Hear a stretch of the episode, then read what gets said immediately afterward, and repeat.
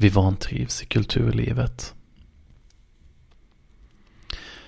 När jag var 19 år stod jag inför ett val om jag skulle bejaka den kulturella sidan av mig själv eller den funktionella, samhällsnyttiga sidan.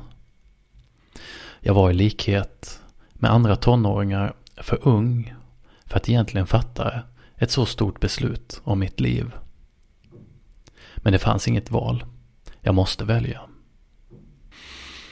Som sabbatsår efter gymnasiet läste jag två terminer litteraturvetenskap.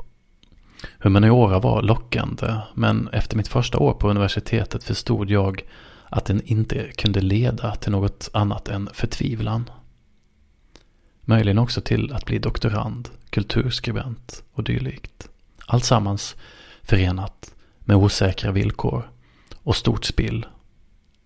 Samhället drällde av studenter utan möjlighet att livnära sig på sina djupa, meningsfulla kunskaper. Jag lät varken drömmen med stort D eller hjärtat fälla avgörandet. Socionom, tänkte jag. Det handlar ju också om människan. Och det kan leda till intressanta jobb. Åren gick. Jag läste filosofi vid sidan om socionomstudierna.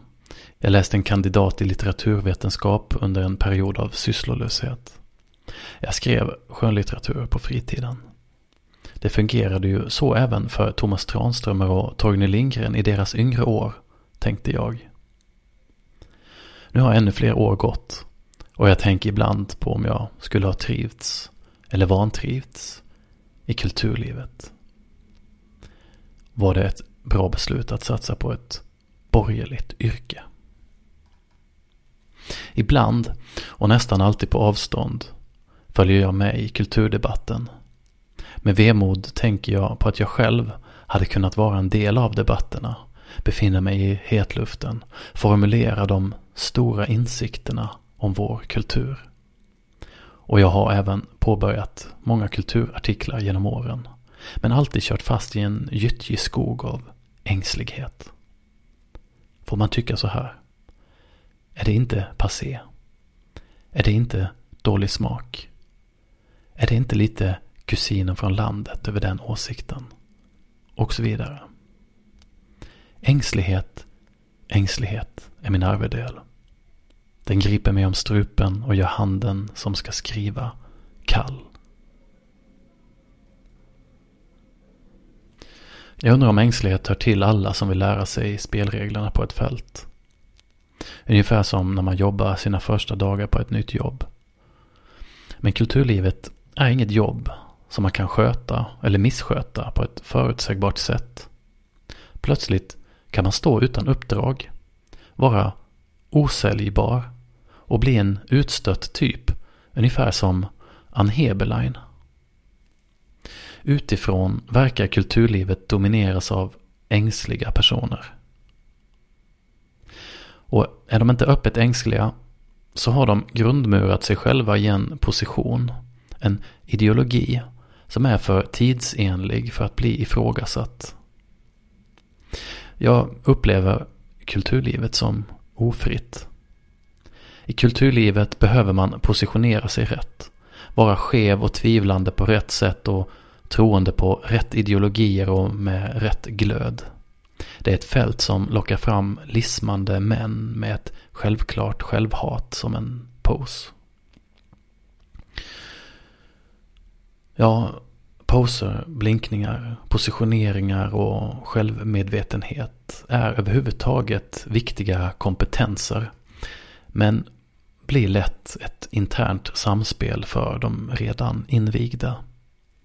Ett slags överväldigande och skräckinjagande tidsdokument. Jag kan förstås ha missförstått något. Ja, sannolikt har jag missförstått något. Är det jag som har haft fel förväntningar på kulturen? Och förresten, kanske det inte finns någon som är nöjd med kulturen. Alla kanske ogillar den på samma sätt som alla hatar poesi. För att kulturlivet är ett ouppnåeligt ideal som aldrig infrias.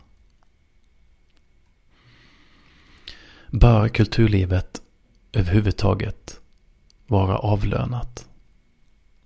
En intressant men kanske omöjlig tänkare i sammanhanget är författaren Leo Tolstoj. Som var emot kulturlivets professionalisering. Han menade att de bildade klasserna hyllade de dekadenta poeterna som i sin tur skadade samhället.